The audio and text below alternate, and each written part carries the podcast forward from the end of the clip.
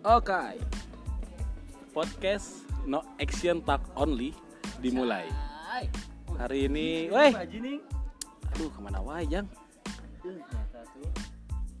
Beres kuliah teh? Oh acan, oke.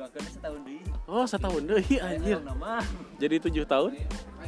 Oh ente. Podcast Talk Only ini bercerita tentang lalu lintas di Sukabumi dengan pemilik Sunda Kopi Dede Rizal. Oke, Ada apa dengan lalu lintas nih? dengan lalu lintas Sukabumi. Ada apa dengan lalu lintas Sukabumi? Siap. Gimana sih pandangan-pandangan Dede Rizal tentang rambu-rambu lalu lintas, prasarana-prasarana, dan habitnya eh, kendaraan bermoda, eh moda moda Angkutan. transportasi. Angkutan. Oke angkutan. Asik sih. Karena Sukabumi itu beda dengan Bandung, Jakarta, dan Bogor. Hmm, tuh. Asik, asik banget. Dengan lalu lintasnya itu-itu aja. gitu. Ya, itu-itu aja. Bahkan teman saya datang ke Sukabumi eh dari berangkat, berangkat dari timur datang eh, da- dari timur kemudian keliling-keliling ke utara ke selatan akhir-akhirnya sesatnya juga paling di kota-kota aja. Sesatnya. Sesatnya di sana-sana aja gitu. Saking kecilnya. Oh saking kecilnya. Saking kecilnya. Saking kecilnya lalu lintas di sini. ya lalu lintas Sukabumi. Dari mulai akses lah. Akses. kecil kecil banget. Tapi yang paling menarik sebenarnya lalu lintas Sukabumi itu adalah moda angkutan itu angkutan eh, angkutan umum daerah Iya, ya bingung juga kalau ke ada ya. Enggak ada. aneh yang aneh kayak gini sok perhatikan Gimana gimana gimana? yang aneh pernah tidak Yang aneh tuh nggak ada vodka di sini. Cai. Siap. Otaknya ada otoy. Aneh, perhatikan nggak, Bah? Angkutan umum yang daerah ke atas ke pegunungan. Kalau Bintana Warnanya itu merah semua. Kado dampit merah. Salah Bintana merah. merah. Parah merah. Gua parah merah. Emang restrik area. merah semua. Tapi benar-benar merah merah. Perhatikan. Merah. Itu merah semua. Dari warna aja.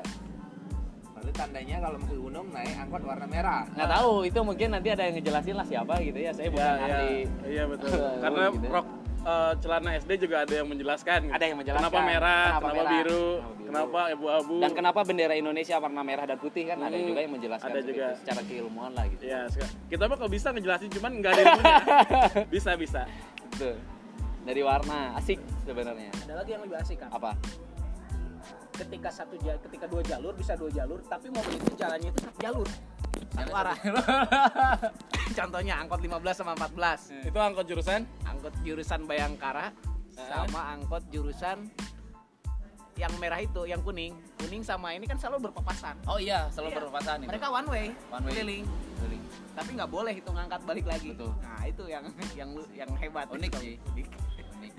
angkutan umum Eh, tentu justru tapi kalau melihat eh, tata eh, tata tertib di lalu lintas entah memang Sukabumi itu yang paling terbaik atau tidak gitu ya. Saya sempat kultur mungkin itu ya. Ketika orang Medan datang ke sini kulturnya itu eh, di lalu lintas di sana main tebruk gitu kan. Ya. sempat saya dibonceng. Saya kan memang eh, di, di, dididik untuk tata tertib di lalu lintas di Sukabumi harus baik gitu. Iya, iya. siang doang. Kalau malam mah tetap aja semrawut ya. Ada merah diterobos gitu.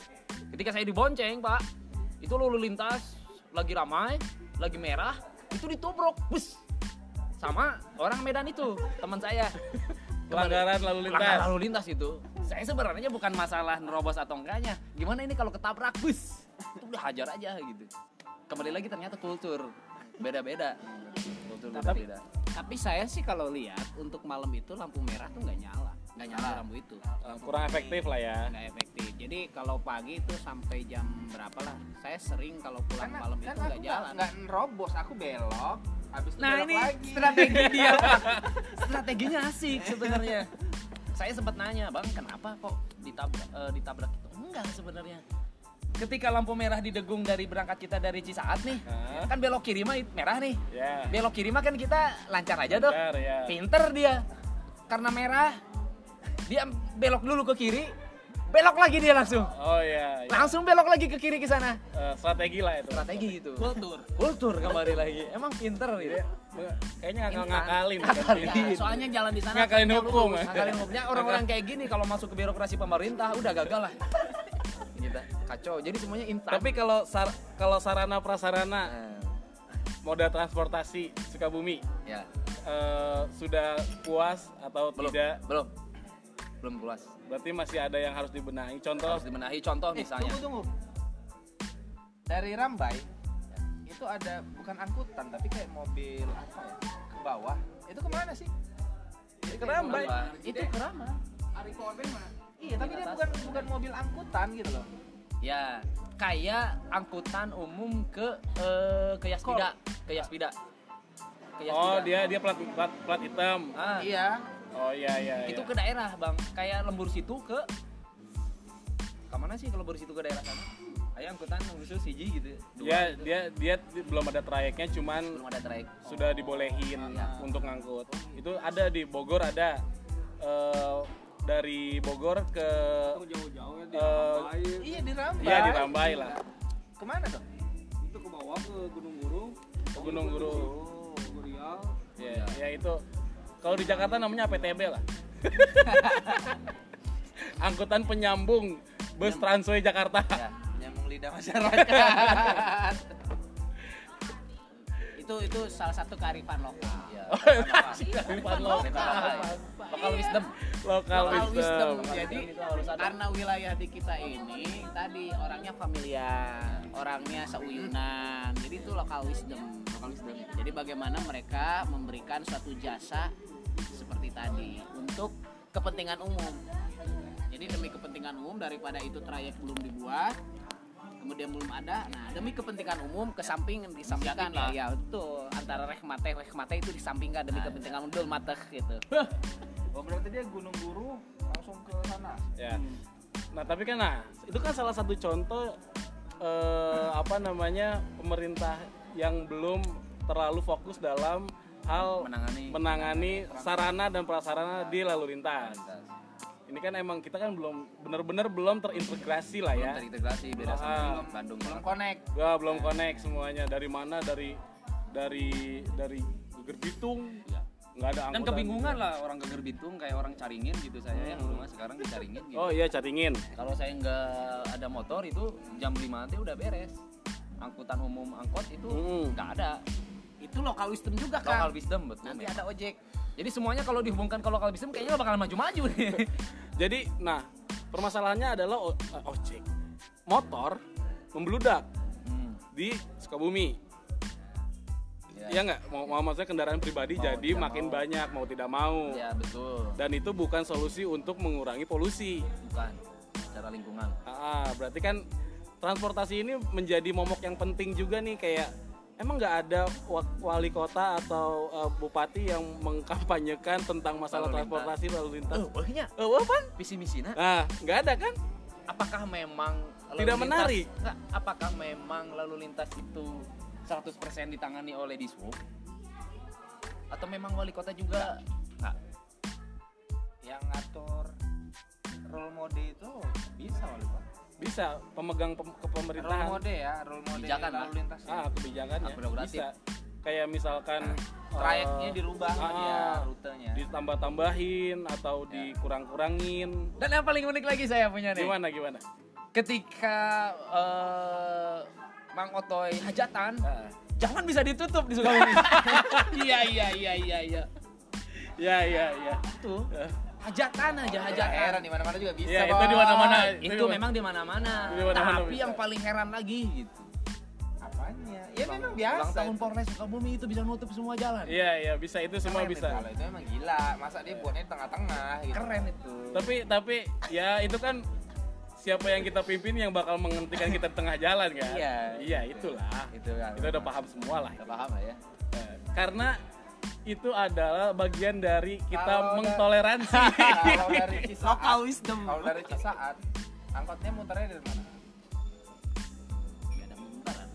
Enggak, muternya pasar pasar Cisaat 08 nggak tahu lah Cisa kan kan Cisaat itu dia Cisaat Sukabumi Cisaat tahu. Cibada. berarti dia nggak Cisaat, Cisaat Caringin Cisaat Kadudampit iya dia nggak lewat Bayangkara enggak terhubung kan nanti dia. Jadi terhubung kalau di sana orang yang mau ke Bayangkara nih angkot gimana? Naik Dua kali. dua kali di Degung. Terus? Yang angkot Bayangkara tuh muternya dari mana? Ke mana ke kotanya? Ke kota juga? Jogja muter ke Jogja ke sana. Jogja sini ke berarti jumpanya di Jogja semua Iya. memang ya? Cuma di Jogja. Oh iya benar, jumpanya semua di Jogja. Jogja. makanya semua. macet ya kan? Makanya macet. Macet. tapi yang paling Di macet bundaran Kalpataru ya, ya. Pura-pura bersih itu. tapi yang paling macet kayaknya bukan di Jogja deh. Pura-pura bersih. Blok M Cisaat dari dulu saya kecil sampai hari ini itu belum terurai. Blok M Cisaat. Oh, Pak, eh, se- Belum setelah Cisaat. setelah setelah pasar Polsek macet sedikit. Ah, gila itu. Itu gila itu macetnya. Nah, angkot kan dua. apa dua. Kan ngetem. Cibadak, Cisaat, dua. Nah, ngetem. Bogor. Ba- jalannya gede? Balik ke Blok M, Ke kiri, ke Blok M gitu. masih gede sih sebenarnya. Kalau Cisaat tapi macet ini.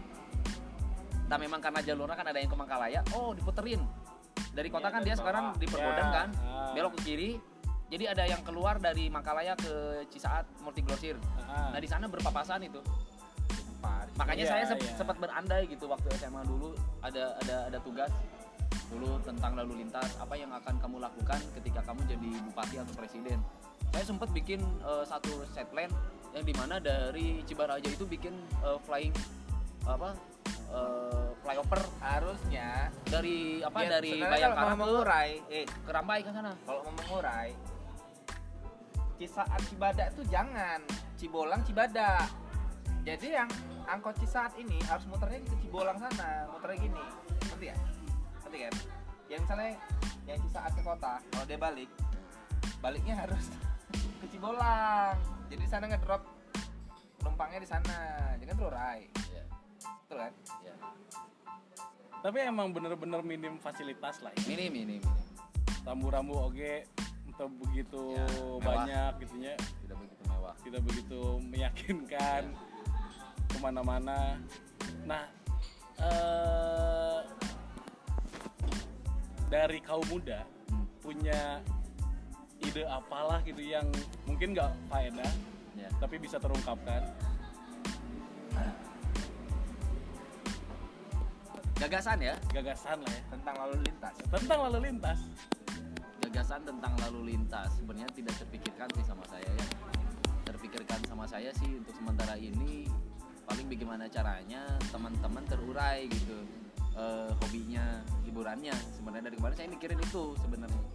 Eh, apa bioskop belum ada gitu ya Bentar lagi ada lah ya. bisa lagi ada gitu tapi lalu lintas itu penting karena akan mempengaruhi perkembangan kemajuan kota kalau saya gagasannya sih satu sebenarnya harus ada eh, kayak Damri di Bandung yang puteran we semua arah Ah benar. Oke. muter ya ul- Ah. udah muter aja udah gitu Ya muter. muter muter. aja kan kecil Hah?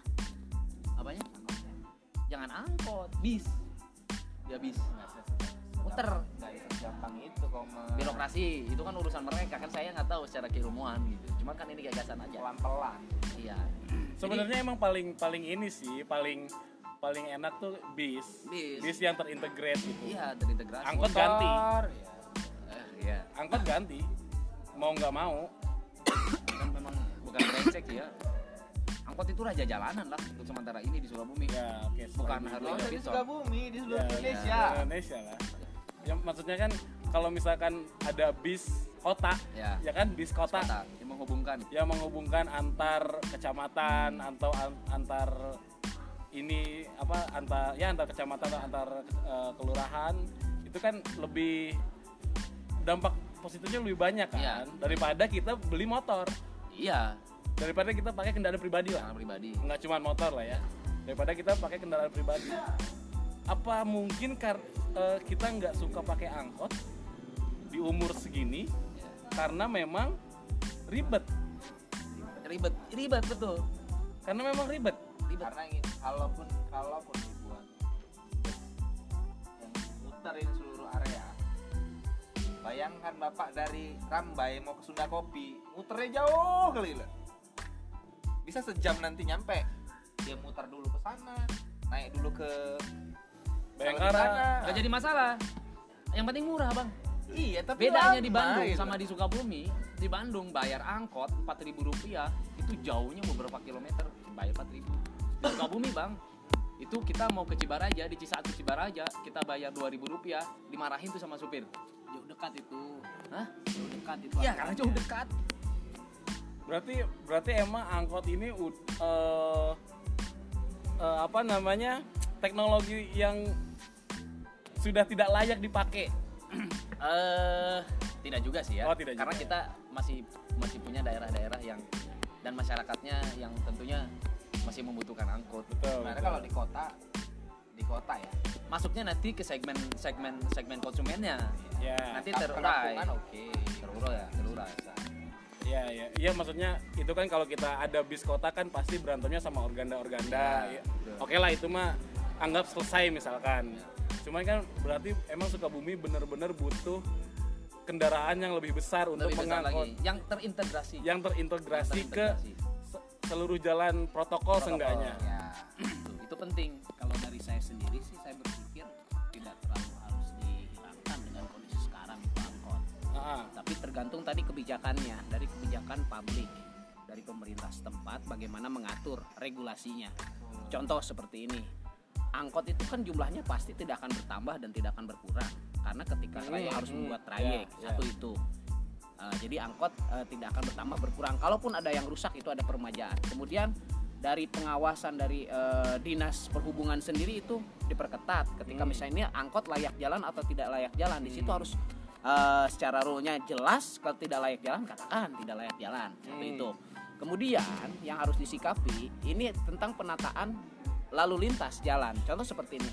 Saya suka mengkhawatirkan ketika di mana sih jam-jam macet itu. Nah ini Jam terkait bukan hanya terkait lalu lintas saja tapi ada publik yang lain. Contoh ketika saya pulang kerja macet itu biasanya itu di tempat-tempat tadi. Keluarnya anak-anak sekolah Hmm. adik-adik kita. Ya Nah, di sini perlu dipertimbangkan oleh pemerintah setempat bagaimana mengubah regulasi. Kita tahu kita lewat jalan Bayangkara gitu kan. Ketika bubar anak sekolah, itu jalan yang bisa cukup tiga mobil hanya cukup satu mobil karena banyak mobil pribadi yang antar jemput itu parkir di situ. ya Notabennya, ganjil genap nah, gitulah notabennya gini kan, notabennya seperti ini. Itu jalan Bayangkara yang bisa bisa dilalui oleh tiga, tiga mobil itu hanya satu mobil karena tadi regulasi tidak ada. Mereka parkir sembarangan. Ya kan? Mereka parkir sembarangan sehingga tadi arus lalu lintas macet. Dan apakah di situ jadi sistemnya menjadi melihat gini wah ini sekolah orang kaya. Boleh bawa mobil. Padahal aturannya itu harus ditata ruang. Ya ini terkait dengan dinas tata ruang juga bang. Ya jadi kalau punya sekolah itu jangan harus memikirkan, memikirkan bagaimana masuknya, bagaimana keluarnya. Jangan sampai nanti dia tadi mengganggu kepentingan umum. Jalan Punya emang punya anda gua lalin ya lah. Nah, Berarti seperti itu. sekolah harus diberesin, regulasinya pabrik-pabrik juga harus diberesin. betul Regulasinya. betul betul Seperti itu. Jadi Betul. kita lihat aja seperti Iya, kan? seperti sore di Sore, beberapa itu mati kan di GSI. udah gitu dari tadi tiap ini terkait tentang hukum juga ya kan Ah. tegaknya hukum itu kan ada undang-undangnya ada sarananya ada penegak hukumnya ada budayanya dan masyarakatnya jadi ini nggak bakalan tegak aturan ini ketika tadi lima komponen ini eh, tidak saling berkesinambungan. Kayak tadi. Pertanyaannya mau nggak pemerintahnya? ya harus mau karena ini kan Mau. ini sebagai kebijakan publik dan Tapi pemerintah. ini pemerintah tahu itu eh, penanganan. saya yakin tahu Tahu. saya yakin tahu. Cuman nanti di situ bagaimana? Seperti itu. Saya nggak tahu. karena ada kepentingan dan tidak ada yang menyuarakan Tidak ada kepentingan, tidak ada menyuarakan dan tidak ada keuntungan bagi pemerintah. ya Nah mungkin Nah, pembicaraan ah. seperti ini Kang ini bisa Oh salah iya, satu ini kan salah satu, kita salah satu uh, ocehan kita yang jangan bisa faedah. kalau Yang kalau faedah kalau, gitu. kalau bicara tidak ada keuntungan bukan di situ cuman ada kepentingan yang mungkin Apa kepentingan pemerintah? gini loh jadi contoh kota Hmm. kota lalu lintas paling nggak beres tuh City Mall Ditangkap nggak sih ini? Nanti Oh bisa. Ini kita ditangkap nggak sih? Udah ngomongin eh, jalan. Enggak. Oh, enggak, ini City ini Mall, bukan City Mall. 98. Oh, City Mall. takutnya ditangkap. City Mall. Hmm. Kaki lima. Itu kan contoh kasus yang nggak usah kita buat role model itu aja mereka nggak nggak bisa nyelesain karena kenapa nggak bisa nyelesain ada kepentingan yang nggak mereka nggak bisa tumpas ngerti kan Iya ngerti.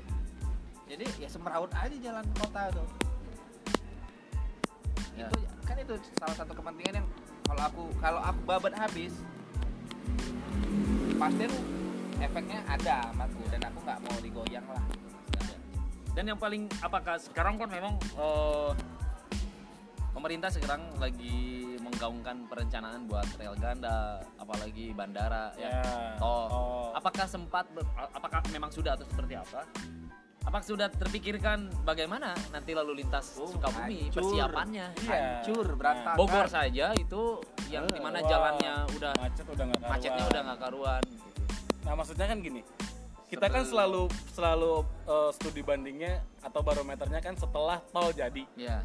Itu emang salah yang bener juga, cuman yang yang jadi apa sih namanya eh, nggak bakal tertahan gitu. Semuanya bisa masuk dengan seenaknya Ya. dan kita sebagai yang tinggal di sini eh, dan bergelut di dunia servis, kalau nggak menerima siap nggak nih nerima ap- apa pas cuma ke sini aduh ternyata nggak nyaman nih kotanya nih Iya. pergi lagi lah nggak usah ke sini itu kan jadi satu polemik juga nih Iya. karena ketika tol jadi arus masuk itu luar biasa. Oh pasti pasti. Iya, karena kan Lalu pilihan kar- satu jalan di Sukabumi ini jalan protokolnya kecil semuanya. Iya iya kecil Kecil. kalau dia nggak dibuat one way atau regulasinya ada one way ada daerah Ya. mana hancur berantakan. Nah nggak aduh pusing lah pokoknya tinggal di Sukabumi. Gitu. ya ada ada yang pernah ngomong eh, dua tahun lagi tuh setelah ya bener dua tahun lagi setelah tol ke sini kalau ini nggak diberesin hancur. Nah udah udah em, pembesaran jalan butuh budget gede yang paling satu-satunya bisa daya dan menjadi daya jual adalah kendaraan umum tadi kenyamanan di kendaraan umum Dialihkan. dialihkan Masyarakat Sukabumi. masyarakat Sukabumi dan pendatangnya sekalipun. Jadi orang-orang yang datang ke sini itu ya udah bawa mobil atau naik kereta ke sini jalan kaki ke mana-mana bisa. Mobil dan ini ya ada Grab ya kan yang bisa ya kita udah udah terbuka masalah transportasi online. Ya. Ada Grab yang misalkan mau ke situ gunung ya naik Grab. Nggak usah lagi bener-bener mereka tuh nggak usah bawa mobil ke sini. Ya, fase sih sebenarnya, fase perkembangan negara menuju peradaban yang eh, lebih baik. Di Cina, di Cina dan di Jepang, mereka memproduksi moda eh, apa angkutan, mo- eh, motor dan lain sebagainya, alat transportasi gitu. Tapi di Jepang, motor itu nggak dipakai, gitu. itu karena lalu lintasnya udah beres. Ya ya karena Fase, nyaman. karena nyaman. udah- Satu- menjadi lagi negara lalu- maju. lalu lintasnya udah beres Udah beres. manusianya sudah terdidik Manusia. Ya, Nah, ya. nah itu tadi untuk melihat kualitas kota ma- dan masyarakatnya, indikatornya bisa dilihat dari lalu lintasnya, bang. Oh iya betul. Betul setuju. Setuju. Jepang dia itu memproduksi motor dan mobil bukan untuk mereka sebenarnya, tetapi lain. untuk luar negeri. Karena motor dan mobil di sana Penyebab itu- masalah. penyebab masalah nggak dipakai. Salah satunya apa regulasinya mereka menerapkan? Mereka menerapkan adalah tahun berlakunya mobil. satu itu satu, Satu itu, Oh, itu pajak salah tinggi. satunya. pajak, Pajak tinggi. tinggi, Pajak tinggi. Yang tinggi. terus parkiran mahal. Nah, Sehingga orang-orang itu enggak untuk memiliki seperti itu. Kalaupun misalnya saya, misalnya sepenggemar motor lama gitu kan, ketika pajak itu sudah masa kadaluarsa, kita harus mengeluarkan budget besar otomatis ya seperti tadi. Jadi pola pikir bisa kan tadi aturan regulasi hukum itu bisa dipaksakan sebenarnya. Cuman bisa tidak pada aplikasinya Oh, antara itu teori mungkin bukan bisa tidak. Mau tidak? ya. Mau tidak? Ya kayak orang Jepang sih, kalau SDM. kayak Ya, orang ya, Jepang lah betul, orang betul. orang jangan orang Jepang Eropa ya. jadi ya Eropa, SDM. Jepang. dah jawabannya SDM aja datang ke Sukabumi itu datang ke Indonesia kita abang. Abang beli rokok ke warung 5 meter. Sekarang masih pakai motor. Iya. meter. Ya lah jalan kaki lagi Iya. meter kok. 5 meter. 5 itu meter kasarnya. Deket. iya kasarnya 5 meter. Kita ke warung aja udah pakai motor bang. Gitu loh. Tapi kan ada yang berhasil waktu eh, pemaksaan regulasi Jakarta musim. Transjakarta memang eh, polemiknya kental juga. Eh, apa namanya penolakan ada yang sepakat lebih banyak. Tapi eh, pemerintah pasti ingin jalannya baik, warganya naik-naik bis dengan eh, memanfaatkan fasilitas yang ada. Berarti kan masalahnya ada di pengusaha organda. Jika angkot dikurangi 50% aja yang teriak siapa Nah, bukan bukan bukan sebenarnya lalu lintas itu bukan masalah angkot aja, Pak. betul betul betul banget betul banget Jadi kalau kita nyalahin angkot salah. iya Berapa salah, ribu kendaraan pribadi yang lebih banyak? Iya, iya, iya. Itu ya penyakitnya. Kalau semuanya aja angkot nggak ada kendaraan pribadi aman aja semua. betul. aman betul betul betul berarti Jadi berarti kayak egoisan kita yang pengen nyaman, tapi si si angkutan tidak kasih fasilitas yang lebih. Ngerti kan? Iya, ngerti. Servisnya nggak bagus. Jadi dan hasilnya ah naik angkot nggak enak, panas, bla bla bla segala. Mending naik mobil pribadi. Nah, jadi karena servisnya tidak bagus, jadi aku pakai kendaraan pribadi. tapi memang angkot nggak bakal bagus servisnya paling memungkinkan yang servisnya Iya. bagus adalah bis Iya bener lah, gitulah diganti lah pokoknya. Iya, Jadi angkutannya itu angkutan dikasih harus lebih mikirin fasilitas buat nyaman buat penumpang. ya walaupun Jadi- dengan mengganti angkutan dari ke bis gitu ya kan dari Iya. angkot ke bis dari mobil kecil ke moda transportasi yang agak menampung 60 orang Terus karena connectednya harus bagus. ya itu terintegrasi karena bis kan ya bisa buat eh, foto bagus kan eye catching juga kalau angkot kayaknya enggak Kadang kalau misalnya Jakarta lah contohnya. Ih, Jakarta macet kali. Ya orang-orang kaya sana lah. Hmm. Harusnya dia bertanya sama dirinya, mobil mobil di rumah berapa? Iya, iya. Kenapa aku nggak naik MRT? Kenapa kok? ya me- me- mereka Jadi mindsetnya ya rubah lah. ya maksudnya kalau maksudnya kalau di Jakarta kalau kita kalau kita membawa mobil dan mengeluh macet sebabnya adalah diri kita sendiri benar. lu yang bikin macet tuh lu. Jadi nggak nggak bisa oh, Jangan oh, nyalain pemerintah. jangan nyalain pemerintah kalau itu benar. Cuman ketidakinginan kita naik angkutan pribadi adalah transportasi yang tidak penyebabnya. tidak nyaman. Tidak nyamanan. Dan ini ada bisa di bener di- bisa dibenahi oleh keputusan pemerintah. Kalau berani. kalau berani oke kalau berani. Ya salah satunya tentang putusan pemerintah itu tidak serta merta menghilangkan angkot sebenarnya pak. Tidak harus dengan mengganti dengan transportasi yang ganti bisa. aja maksudnya Salah satu bisa saja. aja pajak mobil pribadi. Bisa saja dengan tadi, misalnya memberikan tadi aturan regulasi bagaimana standarisasi tentang angkot. tapi tetap tidak nyaman. Seperti ini bisa. Tidak nyaman. Ya terakhir bukan terakhir lah. Eh, di umur berapa kalian di Sukabumi naik angkot? Setiap hari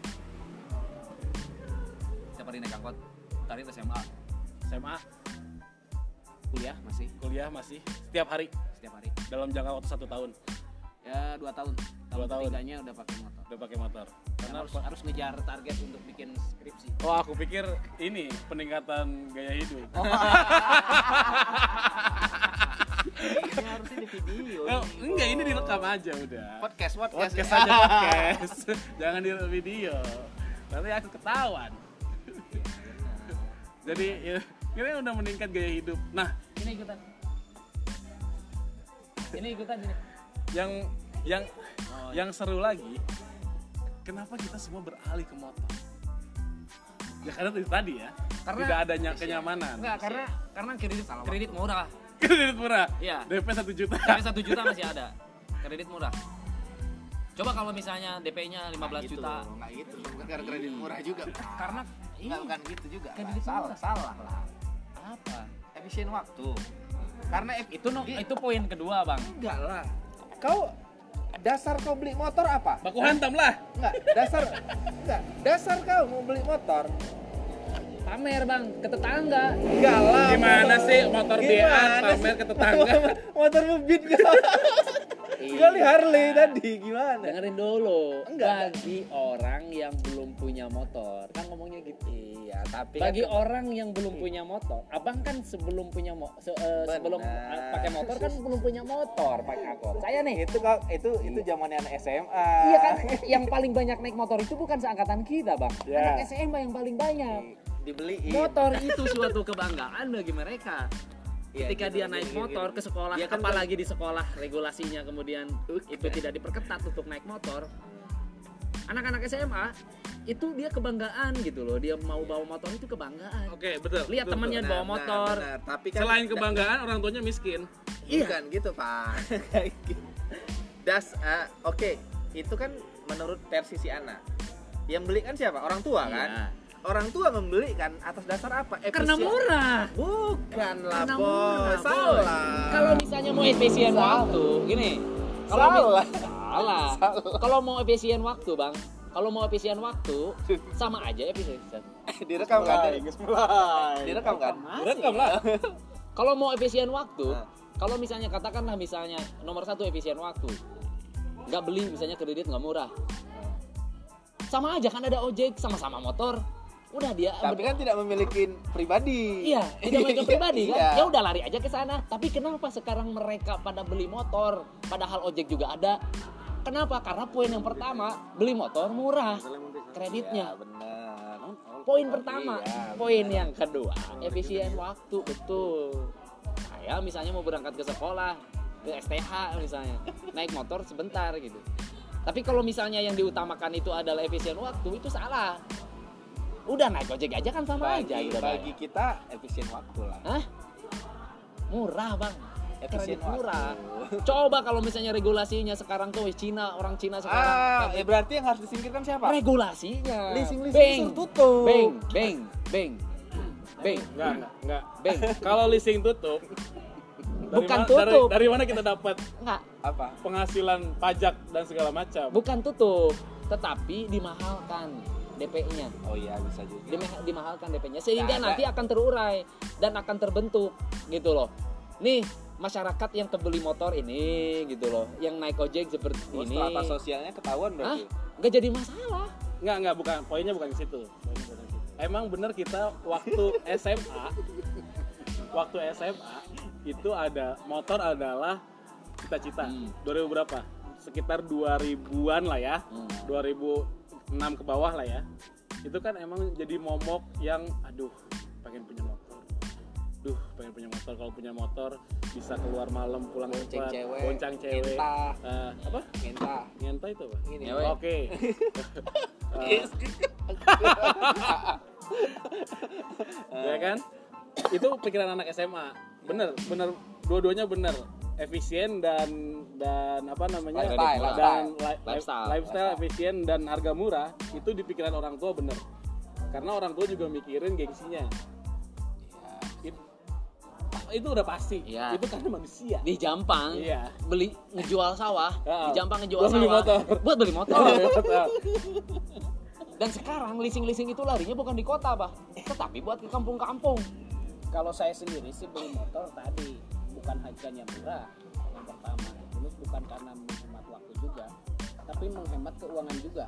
Iya Satu, ketika saya rumahnya di atas jauh, ketika kalau naik mobil ke tempat kerja atau ke tempat kuliah empat kali, empat kali empat udah 16 bolak balik. Jadi berapa? Sempat tidak 32.000. sempat harus dibalas Tiga puluh dua ribu harus untuk menggunakan itu, tapi dengan menggunakan motor 10.000 lima ribu itu bisa bolak-balik. bolak-balik. Ya. Dan dikali 30 hari berarti 10.000 300.000. Nah, Nah, cicilan sekarang ada yang 600.000. nah, jadi akhirnya tadi Ada juga pihak-pihak yang tadi yang tadinya main bisnisnya bagus seperti tadi dengan dibuatlah DP murah sehingga itulah jadi membludak. Saya sendiri tahun 94 saya sudah mempunyai motor RMZ waktu zaman itu. Tapi karena belum cukup umur tadi kembali kepada sumber daya manusianya. Saya tidak berani memakai karena tadi belum ada izin. dari orang tua Lisensinya satu orang tua yang kedua terkait dengan hukumnya. oh ya sim segala SIM-nya macam segala macamnya. Saya berani pakai pakai motor itu ketika kuliah tahun 97. Hmm. Jadi memang di sini perlunya sosialisasi juga. Ketika tadi pertanyaan dari Abang mengatakan Kenapa sekarang banyak yang motor? Ya tadi ada beberapa. Satu karena efisiensi orang memakai motor, yang kedua karena murahnya. Berarti di sini ada kembali lagi ke regulasi dan kembali kepada SDM masyarakatnya. Iya, makanya itu tadi. Kalau misalnya sekarang bank regulasinya itu eh, kreditnya dimahalkan, misalnya mahal jual motor Jepang ke Indonesia itu misalnya Honda Beat itu 50 juta. Saya yakin yang pakai motor itu bakal sedikit. Ingat dulu tahun 92 saya tuh beli motor elektrik. 92 92 Oh, bos. saya beli motor karena ranking pertama saya masuk SMP. Itu saya dibelikan motor Erekjet dengan harga waktu itu 7 Aku juta dan itu nggak bisa dibeli cicilan. Cash emang belum ada Cash. leasing belum ada. leasing itu cash. sehingga pada waktu itu satu kampung cuma tiga orang. Ini bukan 2001 bukannya buat lah. gengsi ya. Bukan buat gengsi tapi karena itu regulasi pada saat itu belum ada masuk misalnya tadi penanaman Leasing modal atau seperti ini itu membuat tadi motor itu jarang. Motor hanya bagi orang-orang yang kelas tinggi. Karena tadi nggak bisa dicicil. Benang merahnya bisa dicicil. ketemu kan benang 7 juta saya beli Erekjet gini sebenarnya gini deh. Jadi misalnya kalau masalah bisnis nggak mungkin pemerintah melarang marketing pebisnis. Ya betul. Nggak bisa. Nggak dia bisa. nggak bisa ngatur. Nggak bisa itu nggak bisa ngatur. Itu nggak bisa pemerintah mana bisa ngatur? Marketing perusahaan nggak bisa. Ngatur. kecuali bank kan aku ngomonginnya bank. iya Banknya diberesin gitu loh. Iya, Banknya ngerti, diberesin, ngerti. hitung-hitungannya. iya tapi misalnya nggak masalah DP rendah tapi pajak yang dinaikin Nah, jadi kan kan sama mereka. aja sebenarnya feedbacknya aku beli motor eh apanya murah cicilannya murah cuman pajaknya segede nggak bisa beli motor lagi kan bingung dia bener kan jadi ya silakan kalian kredit murah cuman sebagai pemerintah kebijakannya pajak kalian harus tinggi nggak bisa enggak. Ya tapi tapi berarti ada di sini pertanyaan lagi yang timbul berkembang bahwa beli motor sekarang bukan untuk kebutuhan.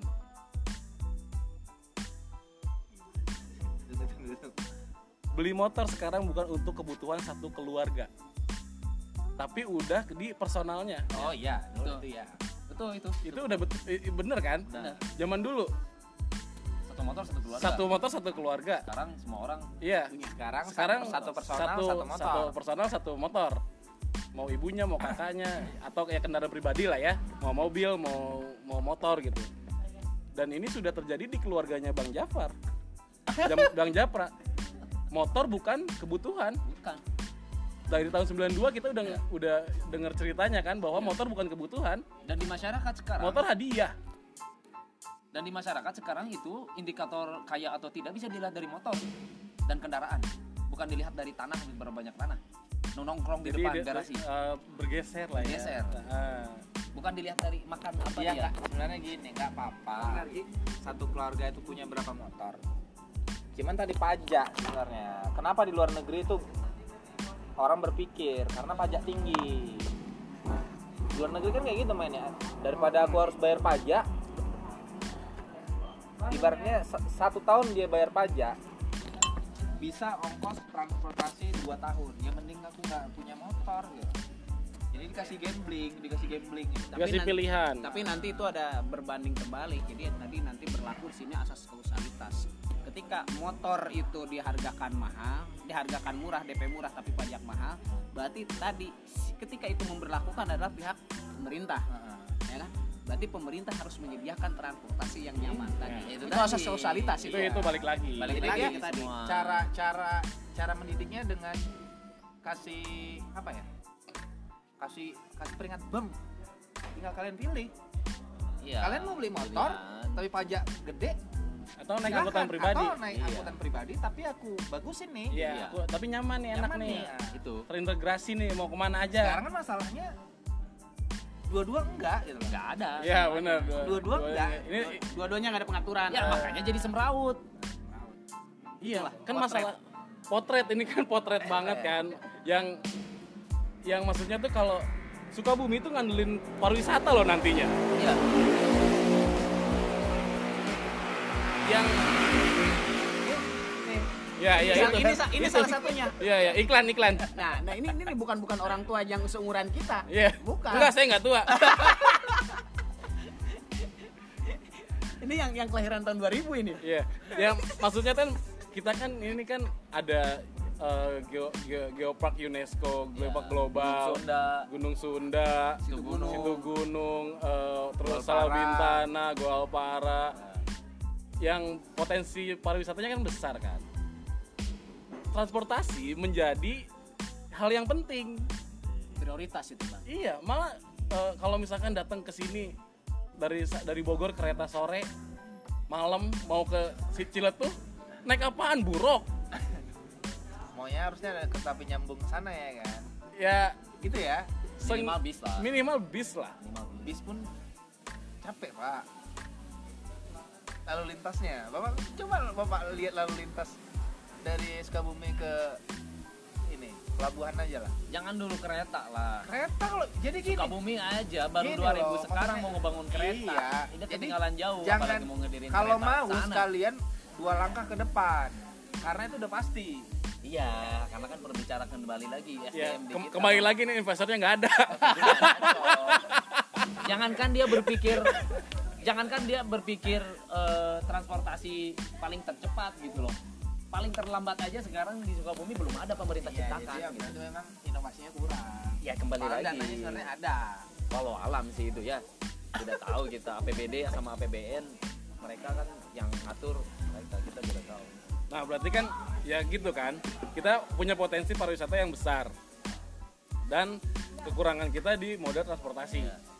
Kayak kita lihat pern- eh, kalau ada yang pernah ke Toraja itu dari dari Maros dari apa dari Makassar turun di Maros eh, pesawat terus kita naik naik angkot atau naik taksi ke eh, apa sih namanya full bis lah ke terminal. Itu bisnya ada ke Toraja langsung. Seenggaknya nyontek dari sana lah. Iya. bisnya anjing keren pisan. Demi Allah nyaman dua bag gini ya kan? Dua-dua gitu seatnya tuh. Terus harganya murah. Kalau nggak salah 80.000 ribu dulu. 80.000 ribu. Karena emang jauh banget 4 jam sampai 6 jam. Kan kita kecil tuh aja cuman butuh berapa jam sih? Ya nggak mungkin sampai segitu juga harganya. Bis aja itu udah bisa mewakili lah. Emang emang kalau emang dua tahu dua dua langkah ke depan mikirnya dua langkah lebih maju emang kereta api kereta api cuman Jangankan itu. ya bis aja nggak bisa apalagi kereta api. Bisa, jangan dulu kereta api. terkait ini juga bang terkait pembagian wilayah. Ketika, ketika kita tadi berbicara terintegrasi saya dari atas misalnya ke sini empat kali naik angkot. Ketika membuat eh, terintegrasi itu ada hal karena tadi ada kebijakan tentang APBD itu yang yang mesti nanti di- dipertimbangkan juga. Dan nanti itu harus mencari solusi. Intinya antara pemerintah ini kan berbicaranya Sukabumi luas kan? Bukan Mhm. Sukabumi kota dan kabupaten gitu kan ya. Ya ya. Ya banyaknya angkot banyaknya angkot itu kan mungkin bisa terintegrasi ketika misalnya dari Cisaat sampai ke eh, Cigombong sampai ke Cicurug karena itu wilayah kabupaten. Bisa tuh ya satu satu satu terintegrasi. Tapi ketika dengan kota nah mungkin di sini yang harus dipikirkan untuk duduk bersama. Bisa bisa. Sebenarnya kalau jalan-jalan protokol pakai bis dan jalan-jalan kecamatan nggak pakai bis pun bisa kayak misalkan dari Kadu Dampit nggak apa-apa pakai angkot cuman keluarnya dari pasar Cisaat Udah disediakan. udah disediakan bis di sana halte. ada halte ada halte. jalan protokol aja dulu Protokol aja. jadi nggak ada lagi angkutan umum penya- penyambung antar kecamatan nggak ada lagi angkutan umum penyambung kenyapatan yang yang kecil adanya semua besar Cicurug ke Cicurug langsung misalkan sampai ke Cibadak atau sampai ke Cisaat. Sok sok. Sampai ke Cisaat itu udah pakai bis. Iya sih, jadi angkutan itu hanya di perbatasan, pedesaan. Perbatasan. perbatasan. Jadi dia ketika masuk kota udah jadi jatuhnya bis. Bisa nggak? lebih luas sih lebih kayak jalan kayak dari sini ke Cicurug itu kan jalannya eh, protokol juga kan. Nah itu harus udah pakai bis. Cuman kalau yang ke Cisaat Yang ke dalam-dalam ya yang ke dalam-dalam. Berarti Yang belok nantinya kanan, berarti belok nantinya kirinya. bukan ya. bentuknya bukan angkot. Angdes. Angdes. Kalau gadis desa boleh lah. Iya, iya. ya kan ka- kalau kayak gitu kan lebih rapi terakomodasi manusianya lebih ya maksudnya merampingkan eh, yang lalu lalang di jalan. Da- Jadi motor motor tuh harus tetap hilang. eh. harus saya setuju lebih diganti ke sepeda Bener. Ya, sepeda betul, sepeda Pae setuju. iya kenapa karena kok kota Sukabumi itu kota kecil gitu loh. Yang di enak Jakarta. iya deket sebenarnya deket. Cisaat. Iya iya bang, tapi harus dipikirkan model orang seperti saya di desa. Turunnya saya ke sini nah berarti 30 harus, menit, baliknya ke sana 2 jam baru ya, berarti harus pemerintah menyediakan parkir parkir untuk sepeda khusus Ya, ya, itu bisa. itu misalnya bisa. dari Kadu Dampit di, di, di pemerintah menyediakan Di misalnya lokasi Polres. parkir di Polres ka- kayaknya buat parkir kayak kayak kayak kalau kalau dampin nggak bisa sepeda. Angkot aja, angkot, angkot. ya misalnya lah Angkot. Ini kalau terrealisasi saya bingung. Gila nggak? Kalaupun tadi disimpan di Cisaat itu sepeda sampai situ, baliknya pulang kerja saya jam 4 nyampe sana nyampe maghrib. Iya, Mampus. iya, Bu. pakai maksudnya eh, sepeda tuh kayak buat orang kota aja lah. Wilayah kota tuh kayak itu kayak kayak kayak campaign sih. sehat. Bukan, bukan seperti konsep tadi abang ini. Tidak efisien, Bos. Nah, abang seperti tadi campaign sih Wilayah kota itu Kalau kalau kalau campaign, campaign aja kayak Ah. misalnya sekarang bawa tumbler kan semua orang lagi rame-rame bawa tumbler Tumblr di gitu blog kan. sama Reddit. ah tumbler kemudian apa Eh, Tumblr plastik Ya. kantong plastik gitu kan itu kampanye Ya. aja Iya, seperti, kayak seperti inilah gimmick- contoh, gimmick lah. contohnya gini lah kayak di lingkungan kota itu memungkinkan sekali. Memungkinkan saya di wilayah kota ini dan memakai- menggunakan sepeda. Saya lebih setuju setuju itu dengan tadi teh. Tip tadi perilaku hidup bersih dan sehat gitu. Itu bisa saja. Tapi tadi ada contohnya kayak kayak ketika di Belanda itu kan seperti kota-kotanya gitu kan. Dia pakai sepeda datang mobil hanya satu di tempat parkir untuk lalu lalangnya pakai sepeda. Bahkan kita terapkan di UI pun sama gitu kan ketika Ya, masuk mobil akhirnya kalau parkir. kualitas masyarakatnya Nah, udah bagus ba- seperti itu. tapi sepeda. jangan jangan mengesampingkan ketika tadi yang di desa harus bawa mot sepeda ke kota baliknya lagi dengan tadi treknya tanjakan yang aduhai mampus tapi itu pengurangan juga nanti. Mungkin seperti itu Udah lah nggak usah sepeda dulu. Desa dulu ya. Bisa aja dulu. Kita tuh minim, nggak ada bis kota. Jadi nggak bisa nyanyi lagu. Iya, nggak bisa nyanyi Luku Plus. Bagus. Lagu apa ya? Ikang Fauzi. Ikang Fauzi ya? yang mana yang bis kota oh enggak itu Ahmad Albar itu gong 2000 itu God bless Oke oke oke oke.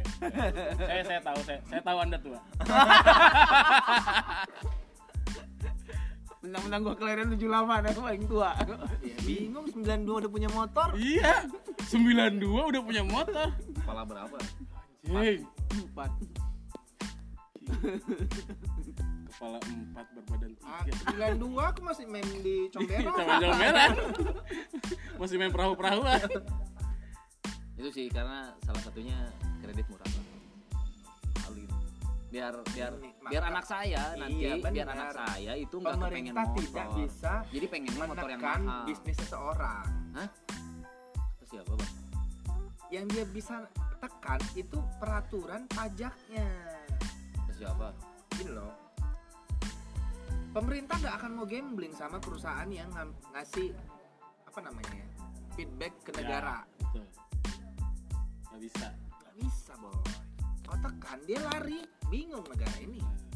Kita kan negara investor. ya lebih baik mereka lari sehingga nanti bisa. ada sepeda-sepeda listrik yang tidak bisa, berpolusi makanya dan itu diciptakan oleh orang-orang kita dengan gamblingnya dengan SMK, SMK. pajak. itu kan sebenarnya kalau misalnya kita fokus kepada masalah dan penyelesaian Indonesia itu akan menghasilkan anak-anak bangsa yang terbaik mereka itu menciptakan bukan mendatangkan pada akhirnya Sebenarnya gini tidak sih melulu ada- kita mendatangkan Sebenarnya pemerintah luar. pemerintah sudah mengatur dengan adanya pajak progresif untuk pemilikan. Cuman Ya. itu efisien atau tidaknya itu tergantung Pokoknya antara antara juga. teori antara teori dengan praktek ya. Ya. Contohnya saya sering sering sering apa istilahnya hati saya sering sering terpikir gitu kita anak SD itu sudah belajar pakai motor. Karena apa? Ya tadi bahwa motor itu bukan kebutuhan satu keluarga tapi motor itu kebutuhan pribadi Sekarang itu. sekarang itu betul anak SD umur 6 tahun eh umur kelas 6 itu umur 12 dia sudah keliling-keliling pakai motor. Padahal aturan kan tidak seperti itu bahwa kita punya SIM itu umur 17 tahun. Ya. ketika diselidik ketika ini nggak istilah kalau yang namanya di ini sosiologi ya dalam ilmu sosiologi ketika kita terjun ke masyarakat ya kenyataannya tadi bang kita tidak bisa terbantahkan. Ketika kebutuhan motor itu adalah bukan kebutuhan satu keluarga. Makanya di sini pemerintah sebenarnya sudah mengkat dengan adanya pajak progresif. Ketika saya punya tiga motor pajaknya yang lebih dimahalkan mungkin bisa ngambil pajaknya seperti itu cuman ini regulasi ketika antara dasen dan dasolennya antara teori dan prakteknya masih ada gap tinggal kembali pada kita gitu kan. berarti akhirnya masih minim sekali orang yang mengkampanyekan ini Iya. secara terbuka di, atau di media sosial sekalipun tapi biasanya tuh seleksi alam pak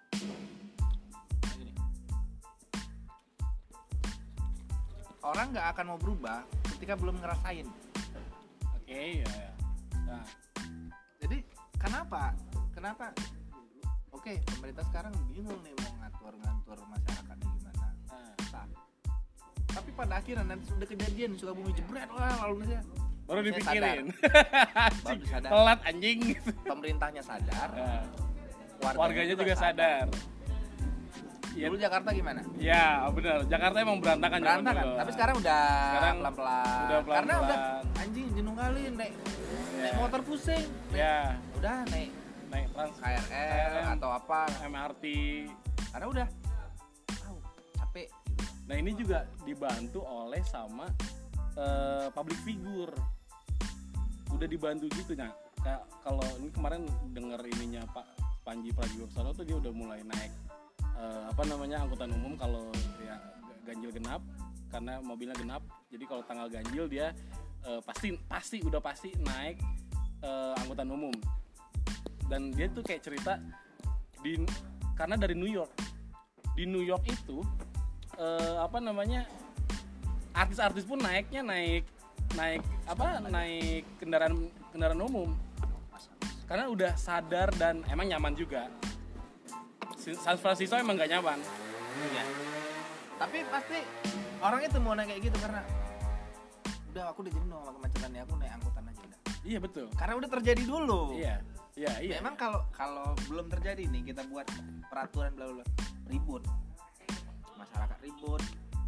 Karena ada banyak kepentingan lah. Iya, wah ini nggak asik ah, nih. asik nih, ini apa nih pemerintah nih nggak pro rakyat Ah. bla bla bla segala tapi nanti ketika sudah kejadian sama mereka mereka mau ngapa-ngapain udah susah ke mana-mana udah macet baru sadar.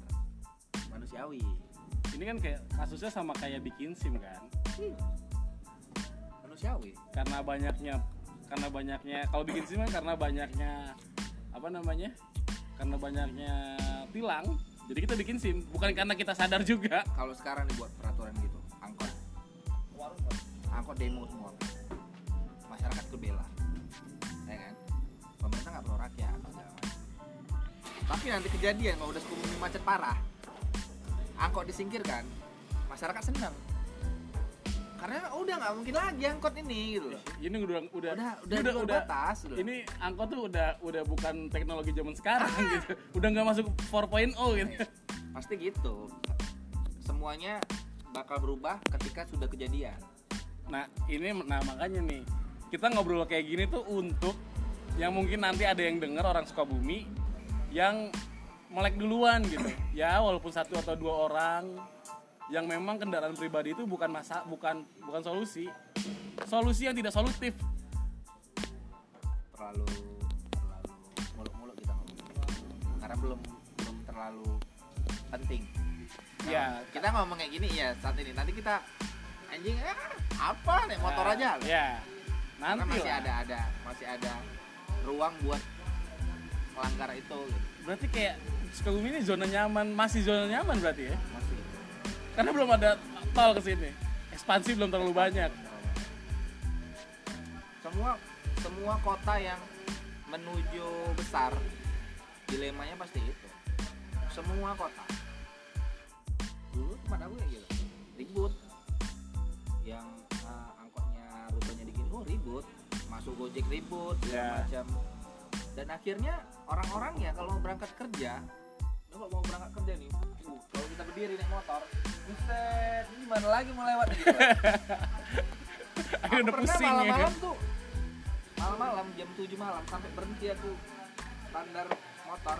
Ya udah, diem aja. lewat nih gila. Karena udah jenuh transportasi KRL-nya dibuat bagus beralih. Beralih semua dan akhirnya angkot-angkot itu udah udah minim sekarang. Udah miskin sendiri dia? Dia miskin sendiri karena udah nggak ada lagi KRL udah ada. Gojek segala Gojek macam. udah ada. Bus masuk. Masuk. Nah udahlah mulai sadar. Udahlah ngapain capek-capek bawa kendaraan pribadi Ah. kerja di kota nah, mending nih?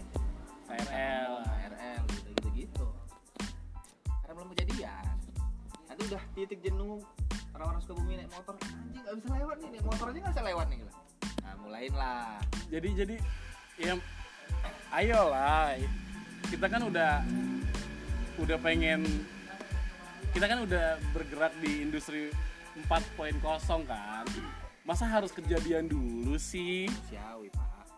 Dulu orang Jakarta pemikirannya udah jauh. Dulu Jakarta waktu masih berantakan. Lalu lintasnya pemikirannya pasti dua dua step di atas orang-orang pada umumnya kan? Ya. Tapi tetap aja egois kan? Ya ya ya. Bener nggak? Betul betul. Tapi ketika udah memang udah stuck anjing nggak bisa lagi nih loh. Iya. Mereka yang sadar sendiri. Karena manusiawi tadi ego tadi. Tapi culture juga culture juga begitu sih. Ya emang karena culture-nya kita sih gitu. Beda sama culture-culture yang pendatang. Ya Jakarta juga pendatang semua pak. Iya pendatang semua kan karena memang tadi eh, aku mau cepat yang ngurusin pribadi sendiri. Tapi ketika semuanya gara-gara kita ngurusin pribadi kita cari makan jadi susah gitu. Ya ya ya jadi berarti intinya transportasi di Sukabumi ini bakal bener. Bakal bener. Tapi udah kejadian dulu. Iya tapi anjing. Tapi tapi nanti ya setelah ada ekspansi ekspansi bukan nggak berpikir pemerintah ini. Ini dua tahun lagi. Tahun lagi iya betul jadi. betul betul. Bukan nggak berpikir. sebelum cuman kalau ditindak sekarang apa masyarakatnya terima?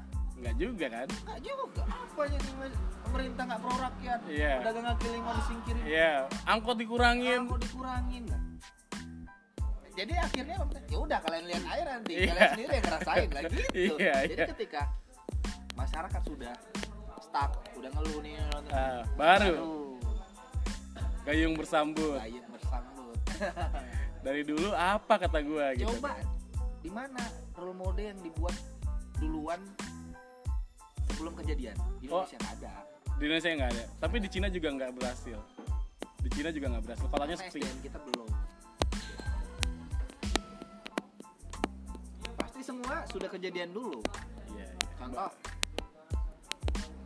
eh, selokan